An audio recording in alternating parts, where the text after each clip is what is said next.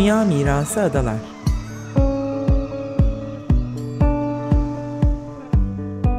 Hazırlayan ve sunanlar Derya Tolgay ve Nevin Sungur.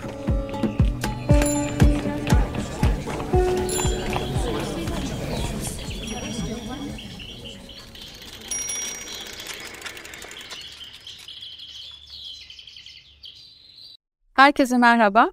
Dünya Mirası Adalar programı başladı Açık Radyo'da. Bugün çok kıymetli bir konuğumuz var. Ben Derya Tolgay. Ben Nevin Sungur. Ee, ve heyecanla onu hemen takdim etmek istiyorum. Psikiyatr, e, yazar e, Fatih Altınöz.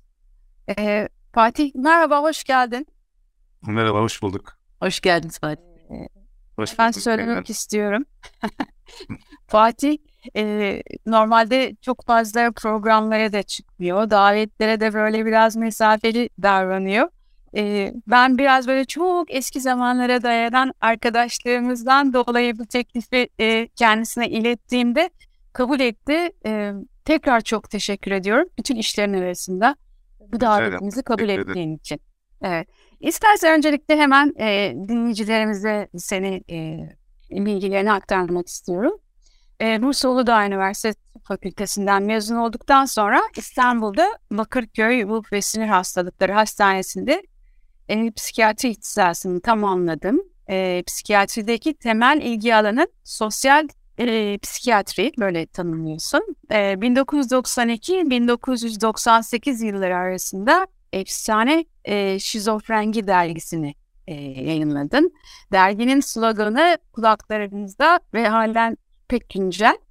E, hala ve daima bütünüyle kuşkudayız.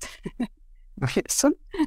e, bir küçük hatırlatma da yapalım. Bu um, senin paylaştığın e, linkler hem senin e, sitende var hem de biz kendi sosyal mecralarımızda bunları paylaşıyoruz. Hemen hatırlatalım. Dünya Mirası Adalar Facebook, Instagram ve Twitter'da e, ulaşabilirsiniz. E, aynı tarihlerde Türkiye'nin e, psikiyatrideki ilk hasta hakları örgütü olan şizofrenisi olan kişiler tarafından yönetilen Şizofreni Dostları Derneği'ni kurdun. E, günlük hayat üzerine makalelerin ve çeşitli gazete dergilerde yayınlanıyor. Yedi kitabım var. Üç uzun metraj filmin senaryosunu yazdım. Güle Güle filmin senaryosu yani senaryo dalında Altın Portakal ödülünü aldı. Halen psikiyatri olarak kuşak çatışmaları, depresyon ve anksiyete üzerine çalışmaktasın. Ve e, soru gibi değil de senin e, bir e, anınla başlayalım. Çünkü benzer dönemlerde ben de doktor eşi durumundan 1983'te ziyaret ettim. Orta Anadolu kasabasında benzer bir anılarım vardı. O deyince dedim ki her şeyi tanımlıyor. Lütfen söz senin. E, aslında güncel tabii e, genel seçimlerle ilgili bir ana. E, 86 yılında mecbur hizmete gittim. O zaman e, tıp fakültesi öğrencisiyken e, evren rejimi, kenar evren rejimi bize de facto bir şekilde e, bir mecbur hizmet e, getirdi. Yani biz girdiğimizde bilmiyorduk. Müktesip hakkı da geçmiyordu. O dönemin e, koşulları malum. E, ve kurayla bize diploma da vermiyorlardı eğer gitmezseniz. Kurayla Doğu Anadolu'da bir e, köye gittim. Köy e, 30 hane bir köy. E, yani gömülen bir tane ev var. Diğerleri zaten toprak damlı. Suyu yok. E, çok ağır kış koşulları olduğu için yolu kışın kardan kapalı. Elektrik tabii tipi olursa eğer kar tipiye dönerse gelmiyor. Böyle bir köydeyim. 87 yılında e, genel seçimler ilk defa hayatımda yani o yere artık boy verebilecek yaşa geldim. Genel seçimler köyde sağlık ocağında sandık kuruldu. E, sandık kurulu görevlisi oldum. Tabii oradaki pozisyondan dolayı. E, bu arada köyde e, iki öğretmen var. Birincisi e, zor beraber lojman yaptırmış orada kalıyor. İkincisi geldiğinde köylüler köyün içinde tuvaleti olmayan yani suyu zaten olmayan bir yeri bayağı astronomik fiyata e, aylık olarak kiralamaya kalkmışlar. Ben de bunu duyunca o tarz yerlerde çok da ya, yaşlı, yaşımız da genç. Can yoldaşına da ihtiyaç duyuyor insan. Ya dedim gelsin benim viranede kalalım. Yani benim de lojman diye bir yer var. Yani odunluktan hallice dökük bir şey. Tanışmadığım birisi. Ee, ve şansıma yani oraya kadar giden şans çok iyi gitmedi ama orada şansıma kafa dengi birisi geldi. Benden de daha genç. Biz yani eksi 30'lara varan e, hava koşullarında işte mutfak kısmında suyu koyamıyorsun. Dolmuyor bir küçük odada. Ömrümüzü orada geçirmeye başladık. Hasta da yok. 11 köy bağlanmış sağlık ocağına ama hiç kimse gelemediği için hasta da yok. Bir yani düşünün yeni mezunsunuz ve yani doktorluk da yapamayacağınız bir yerde yani Mikhail Bulgakov'un da çok benzer bir hikayesi var. Kitabı vardır burada. Buna benzer bir hayat içerisinde küçücük bir odada bir öğretmenle beraber sohbet ederek günlerimizi geçiriyoruz. Seçim günü sandık kuruldu. İşte oylar verildi. Sayıma geçildi. En yüksek oy o zaman partileri söylüyorum. İşte 80 oy almış e, Refah Partisi. İşte 70 oy almış Milliyetçi Çalışma Partisi o zaman MHP e, emsali oydu. İşte 30 oy almış Doğru Yol Partisi. 2 oy SHP. Şimdi iki oyu hemen anladılar. Bunlar doktorlu öğretmen. Ee, olsa olsa bunlar olur kim olur başka burada iki. Fakat iki tane de DSP'ye oy. Yani Ecevit'in partisine. Onu bulamadılar. Köylüler istihareye yattı. Yani arada soruyorum ya diyorlar yok bulacağız ama diyorlar. Bayağı bir iddiaya Sonra bir hafta geçti. Muhtarı gördüm. Ya dedim kimmiş ya o DSP'ye oy verenler? Hadi münasebetsizler diye bizden gayrı. Ee, ya dedi İzzet ya dedi deli Allah delisidir. O vermiş bir de karısına verdi. İşte yani köy rahatladı. Bizim ilk seçimimiz benim hayatımda ilk attığım oyun. Gizli oy falan açık bir oyun. Zaten kabul ettik hemen biz verdik diye. ee, ben aslında yani e, Anadolu derinliklerinde iki e, okumuştu diyelim oranın ve iki delisi dışında genel tablo hani tabloyla 1987'den bahsediyorum. Çok fark etmiyor. bir de ben de bir hikayede çok özür bir şey dikkatimi çekti. Yani bir virraneyi fahiş fiyatla kiraya vermeye çalışıyorlar. Tabii, ama evet. yani. Tabii yani içinde tuvaleti yok yani bayağı zaten su yok. Ee, ve e, maaşının e, yarısı kadar kira isteniyor. 80 darbesi e, sonrası e, ayrıca bu mecbur hizmet dediğin gibi siz girerken koşul değildi. Ayrıca bu mecbur hizmeti yapmak istemeyen gibi bir seçeneğiniz de yoktu. Diplomalarınız verilmiyordu. Yani mesela dışarıya da e, ayarlamış gidecek Tabii. olanlar Tabii. diploma dahi verilmedi. Yani Aynen. biz bunları ilk defa yaşamıyoruz. Tekrar Tabii. tekrar yaşıyoruz. Kafayı aynı yere vuruyoruz, vuruyoruz. Yani Tımar, tımarhane en bir yer alabilir mi diye bu durumda. Soru başlığımız bu. Yani bize o kadar e, hani bu, bu iş hakikaten böyle son dönemlerde artan bir durum değil. Yani biraz yeşil bitenler Türkiye'nin nasıl adım adım nasıl bir evrede e, buralara doğru geldiğini görüyorlar. Bize o zaman diploma vermiyorlar. Hani ferdi sünnetçilik yapan yapabilir miydik bilmiyorum tıp mezunu olarak. E, hani bir sağlık memuru falan bulabilir miydik onu da bilmiyorum. Biz sadece tür sürgün gibi gönderildik. Gönderildiğimiz yerde de itirazımız yok sonuçta orada çalışabiliriz. Çok gençiz yani ama işte anlattığım gibi benim köyümde hasta yok. 30 hane köy 300 nüfus var. Her hanede 10 kişi vardı yani öteki köyler gelemiyor. 8 ay kar altında. Neyse yani orası öyle sonrası işte var e, tımarhane konusuna gelirsek yani bugün için e, yani tımarhaneyi şöyle görüyorlar. Yani herkes birbirine saldırmaya kesmeye hazır. Bir sürü yoldan çıkmış kişi var ve çok tekinsiz bir yer.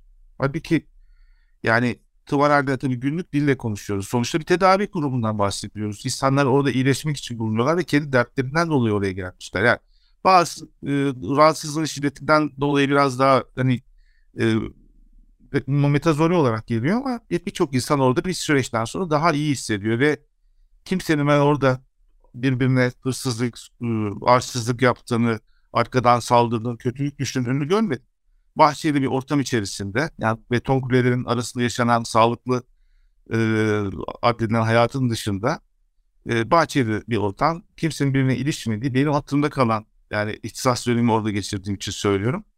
Çok güzel günler var. Yani tabii ki e, sıkıntıları da olan bir ortam ama şu an yaşadığımız hayat içerisinde hani Türkiye'yi tımarhaneye benzetiyorlar. E, yani haksızlık ediyorlar. Yani tımarhane o kadar da e, problemli bir yer değildir. Benim kişisel görüşüm bu kurallar var en azından diyorsunuz. Bu kadar kutuplaşma yok.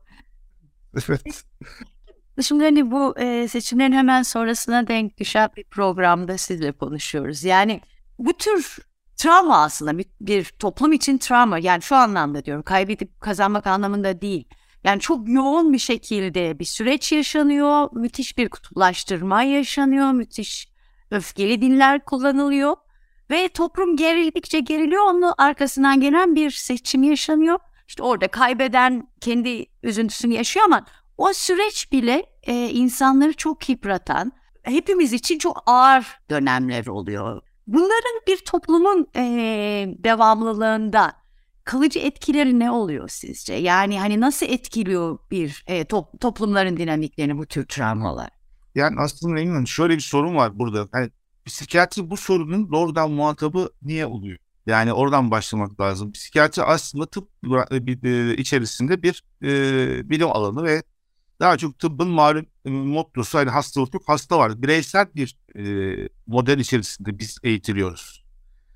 Bu tabii bu liberal tıp anlayışının da getirdiği bir şey. Toplum sağlığı bir ayrı iktisat alanı olarak bir yere itelenmiş ve e, öğrencileri iyi puanlarla girmiş akıllı başlı insanlar, kadınlar, erkekler burada toplumsal alanını tamamen bir iktisat alanı olarak gördüğü için yani herhangi bir rahatsızlık toplulukla ilişkisini kuramıyor. Psikiyatri burada ayırt edici yanı ne? Ya psikiyatride yine bireysel bir bilgi akıyor size ama arkada bir toplumsal ardalan görüyorsunuz. Yani aileler, sosyolojik alt kümeler filan. Fakat bu da aslında bu tarz sorulara yüksek cevap vermeye aslında yet, e, yetmiyor. Niye? Çünkü hani psikiyatri eğitimi almış belli bir deneyim sahibi 5 kişi burada otursak 5 benzemez cevap alabilirsiniz. Burada aslında şöyle olmalıydı. Yani ideali. Zaten bu genel olarak bizim yaşadığımız bütün problemleri de uzantısı. Burası toplumsal ruh sağlığı alanı bir bilgi oluşturma organizasyonu, bir modeli olarak içine diğer disiplinleri katarak oluşaydı eğer bir sosyolog grubu, psikiyatrlar mutlaka halk sağlıkçılar beraber eğer bir akademik alan olarak burayı organize edebilseydi bu sorunuza sizin e, çok daha böyle güçlü tabii ki gene objektif koşulları e, yaran altında alacak yanıtlar verebilir. Ama bunlar olmayınca yani psikiyatristlerin her kafasından bir ses çıkıyor. Yani benim gördüğüm e, yani güncel olana dönersek yani iki aşamalı bir seçimin birinci aşaması e, geçmiş durumda. Yani bir seçim kay- kaybedilmeyip kazanan henüz olmayan. Fakat bu dev bu beklentiyle ilişkili bir şey. Yani çok büyük bir beklentiye girildiği vakit. Şimdi bu beklenti ne doğru? Kişisel olarak bana sorarsanız ben hani Türkiye ölçeğinde son mutlu olduğum seçimleri 1977 seçimleri olarak hatırlıyorum. Yani o zaman da CHP MSP koalisyonu vardı. Bir daha ben herhangi bir seçim sonucuna dair bir mutluluk anı hatırlamıyorum. Ama dünya ölçeğinde sorarsanız ne zaman hani bizim kendi kişisel alanında ilgili e, dünyanın mutlu olduğu mesela en yakın tarih şöyle söyleyeyim. 1936 İspanya İç Savaşı'nda bir dönem. Yani bu Anaventura Durruti öldürülene kadar. Yani öyle bir coşku ve e, şey içerisinde beklenilen bir silsile içerisinde biz her seçimi e, başarıyla yaşamış belli bir grup için söylüyorum. Ve şimdi e, bu noktaya gelmiş bir şeyde değilse bütün e, tarihsel dönemler birbirinin arkasına geldi. Yani buradaki sorulardan bir tanesi bence bizim ülkemizdeki bu bence Cumhuriyet döneminden de itibaren var. Yani edebiyat eserlerinde de görüyoruz. Yani çok rahat söylenesi savaşların içimizdeki şeytanları bölüm olarak. Yani bizim küçük burjuva ruhumuz yani e, coşkuyla yılgınlık arasında bir asansör gibi ara katlarda durmayan bozuk bir asansör. Yani yükseliyoruz ve büyük bir demoralizasyon. Bir fanatik takım taraftarlığı gibi. Hani maça gidiyorsunuz bir kuşanıp atkılar işte flamalar bağırış ilk yarı 2-0 bitmiş ya bugünkü durum benim gördüğüm. Başlıyorsunuz teknik direktörün küfür söylenmeye oyuncuları diye böyle aldı bunu niye oynatıyor falan. Ya ikinci yarısı var tamam biz üzülelim. Netice öyle olunca üzülelim. O zaman yorumlayalım. Ama bu kadar erken yılgınlık ve bu fanatik takım tutkusu gibi bir şey. Bana gerçekçi gelmiyor. Bu kişisel görüşüm. Tabi bunu bir toplum ruh sağlığı bilimi içerisinde yıllanmış biri olarak hani ilgi alanım bu ama bunun bir akademik karşılığı olmadığı için söylemek isterdim. Ama benim gördüğüm bugün için böyle bir şey. Yani çok erken yıkılan, çok erken uçan, çok erken devrilen bir yapı var. Bu da bu küçük bence yapıcı katkı değil. Yani burada yani 24,5 milyon oy var. Şu anki sonucu destek olarak kabul ettiğimizde yani 24,5 milyon oy muhalefet oyu. Avrupa'nın ortalama ülkenin çoğundan daha yüksek bir nüfus demek. Yani bu nasıl bir umutsuzluk bu kadar büyük bir umutsuzlukla olabilir? Tamam bir beklenti vardı. Bu beklenti de biraz şişirilmiş bir şey. Anket şirketleri hangimiz anket şirketlerinin örneklerini nasıl bulduğunu soruyoruz. Yani her gördüğümüz şeyde e, böyle bir kabule peşinden girmek. Yani anket ancak bir tutum belirliyor. Netice belirlemiyor.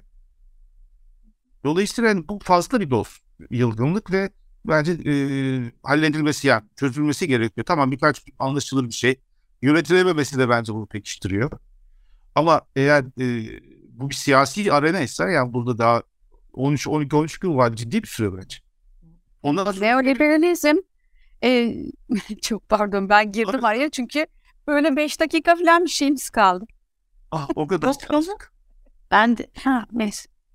Peki keseriz burayı herhalde. Evet, evet. Ee, yani özetle neoliberalizmden bizi bir psikiyatrist, psikiyatri koruyamaz. Bunu da anlıyoruz. Ee, peki e, yani gerçekten insanı lime, lime lime eden bir sistem neoliberalizm. İçinden çıkılmaz bir zaman dilimi. Uzun senelerdir bu şeyin içerisinde yaşıyoruz. Muazzam bir çevre tahribatı, iklim krizi e, ve ona e, eşlik eden e, ruh sağlığımızın bozulması ve hastalandık epeyce ne. E, bizlerin bu süreçte başka bir sonucun çıkması beklemesinde bir tuhaflık var sanki değil mi? Onu işaret ediyorsun. Evet. Yani bu e, gökten zembille inilen bir durum değil. Yani bu adım adım adım adım, adım oluşa gelen süreç sadece biraz hızlandı ve e, bu bizi daha çok e, silkeliyor, daha zorluyor. Sonrası daha da dijital bir çağa giriyoruz. Yani bundan daha iyi olmayabilir. Yani biz ama yaşıyoruz sonuçta bu hayattan bir tane daha yok önümüzde ve hani yapıp gittiğimiz işleri, bize iyi gelen işleri ben buna bir reçete vermem demin söyledim mümkün değil. Sürdürmemiz lazım ve hani görünenin tamam polyanlacılık oynamayalım ama yani bardağın dolu tarafı da dolu aslında. Çok da boş değil. Sizin 90'lı yıllarda en hani düşündüğünüzde e, kalt dergilerinden birisi Şizofrengi var. Yani 92-98 yıllar arasında 27 sayı 3 e, ek olarak çıkardınız. Hı hı. En özgün örneklerinden biriydi tabii içerik itibariyle Şizofrengi. Beni aslında şey yapan, e, etkileyen, çok etkileyen bir şey var. Bu sizin bitirme yazınızda. Yani neden bittiğine dair. Çünkü şizofreniyi kimse anlamamıştı o dönem. Çok başarılı bir dergi. Fakat diyorsunuz ki e, artık bütünüyle kuşkuda değiliz. E, artık eminiz. Bize 6 yıl boyunca dergi çıkarma itici gücü veren düşünce değişti ve bir süredir kuşkumuz bitten, bittiğinden beri de dergi çıkarma heyecanımız azaldı. Artık kuşkuda falan değiliz. 6 yıl önce toplumun dışındaki bir duvarın ardında gözetim altında alınan şizofreni benzeri insanlık hallerinin artık duvarın dışına taştığını, globalleştiğini görüyoruz. Ve en son diyorsunuz ki artık belirsizlikler çekildi. 20 yıl sonra her şeyin bugünkünden çok kötü olacağını biliyoruz. Yani bu başlangıçta Derya'nın bahsettiği gibi yani bu tımarhanenin duvarlarının yıkıldığını ve aslında şu anda yaşadığımız hayatın biraz da e, benzer ölçüde yani sizin ilk anlattığınız örnekte olduğu gibi hani bir deliliğin yaygınlaştığı bir dünya içinde yaşıyoruz. Bütün hani işte bu neoliberalizm olsun, e, dünyanın gidişatı olsun. Siz o günden bunu e, öngörerek e, bir şey tarihe not düşmüşsünüz. Yani bu tabii zor, uzun bir e, yanıt vermek belki daha sağlıklı olur ama e, yani sokakta aslında oluyor olmakla ilgili bir şey bence Nevin Yani bizim e, alanımız hızla yani orta sınıftan gelen insanlar bizim hekimler daha çok ve para kazanıp başka bir sınıfsal ortama geçmeye hızlı bir şekilde e, yatkınlar ve oraya doğru gidiyorlar. Sokakta kaldığınızda yani değişimin aslında hiçbir şey olmadı. O zaman çünkü bilgi toplumu yeni yüzyıl her şey hali olacak diye yazılıyordu. 93'te Madımak oldu. Yani şimdi 93'te Madımak basit bir şey değil.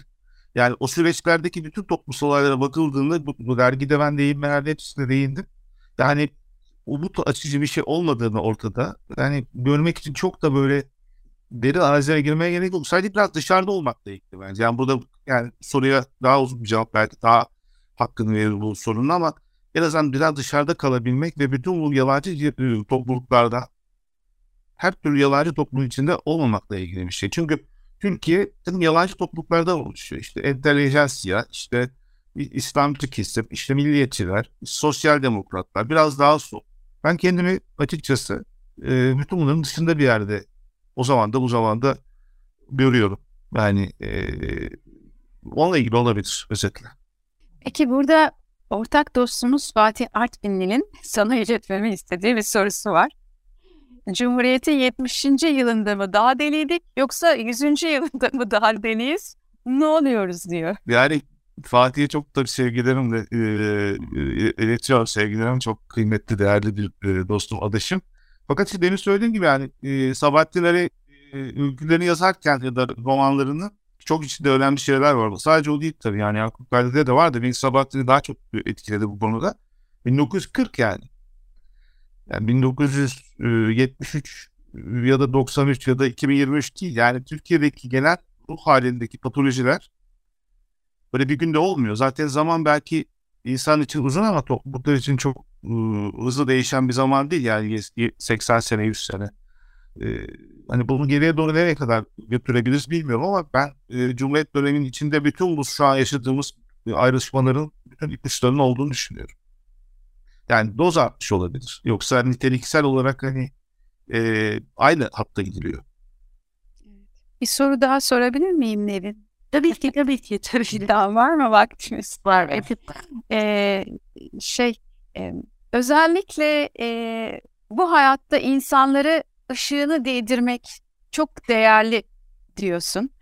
Gerçekten bunu biraz açar mısın? Çünkü artık her yerde podyumda, televizyonda, orada burada gördüğümüz e, özellikle adamlar narsiz, psikopat ve devamlı alkışlanır haldeler.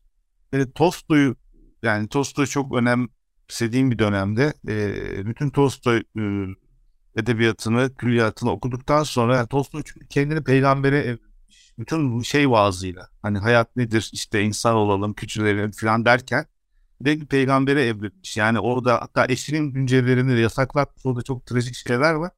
Yani yazı üzerinden bir peygamberlik kurmaya çalışmış ve bunun aslında aynı yazı üzerinden eşinin günlükleriyle nasıl da olamayacak bir şey olduğunu. Çünkü diyor ki çocukları büyütürken ben tek başıma o e, odun kesmeye giderdi. Tarihte onu işte kendi e, hiç kimseye işini yaptırmazdı.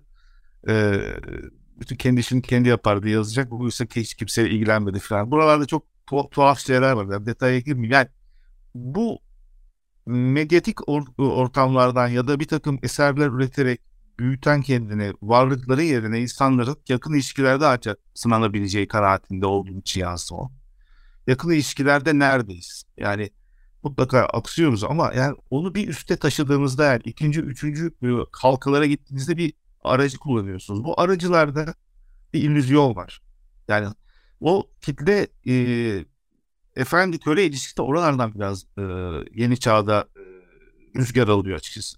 Ben o en yakın ilişkilerden e, orada kalmak gerektiğini düşünüyorum. Demin, Demin Hanım'ın sorusuna da belki ilaveten ek olabilir. Yani bütün bu şeylerin dışında duruyorum. Kişisel olarak böyle bir şey bildiğimden değil. Teorik olarak da hani küçük topluluklar içerisinden bir şey üretilebilecek eğer mümkünse. Bunu da çok emin değilim gerçi ama mümkünse oralarda olabileceğini düşündüğüm için orada yazmıştım. Yani hepimiz adada yaşıyoruz bir şekilde. Bütün bunlar kaçtığımız için mi? Yani küçük topluluk dediğiniz bu anlamda bu küçük toplulukları mı sığdıyoruz biz de sizce ya da siz de öyle Yani yani bilmiyorum o söylemem uygun olur mu? Bu da e, çok işlevsel olarak beklentiye uygun bir noktada değil benim adıma. Yani ben sonuçta ada hep her zaman Ütopya'nın sembolüdür. Malum Thomas More'dan itibaren. Mahir Çay'a e, aldığı ee, ama güncel olarak bilmiyorum sizin deneyiminiz nasıl. Benim deneyimim yani o hakikaten samimiyetle bu ütopya peşinde geldim. Ee, distopya olmasa da yani e, o şeyi koruyamıyoruz malum artık. Çaba göstermeye devam edeceğiz o zaman. Ha, o kadar evet. Vazgeçmeden yani. değil mi? Esasında ben... senin e, Absürt Yeni Dünya adlı bir yazın vardı. E, şuraya not etmiştim.